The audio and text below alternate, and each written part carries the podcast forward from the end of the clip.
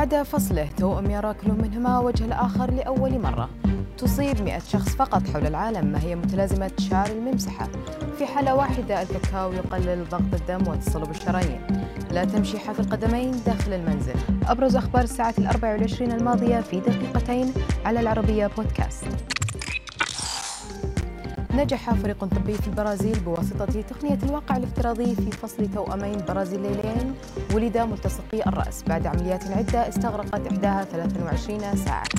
وبعدما أمضيا معظم سنوات حياتهما الأولى على سرير مخصص لحالتهما داخل أحد مستشفيات ريو دي جانيرو أصبح بإمكان آرثر وبرناردو ليما البالغين من العمر ثلاثة أعوام ونصف العام أن ينظرا إلى وجهي بعضهما بعد خضوعهما لعمليات جراحية عدة في أوائل يونيو الماضي.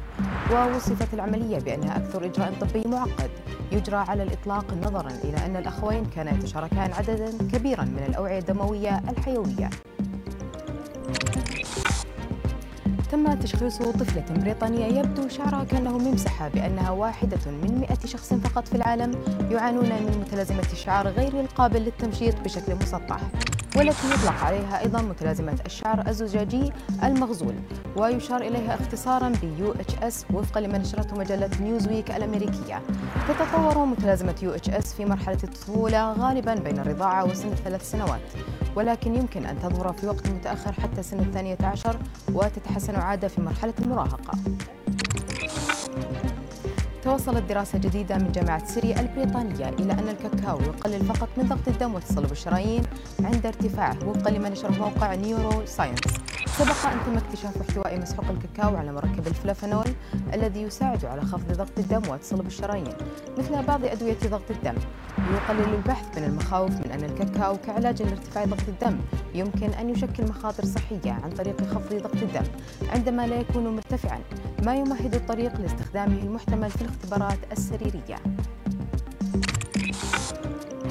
يمكن أن تكون للمشي حافي القدمين فوائد لكن تقرير نشره موقع بولد سكاي قال إن الخبراء يميلون إلى النصح بعدم المشي حافي القدمين في المنزل.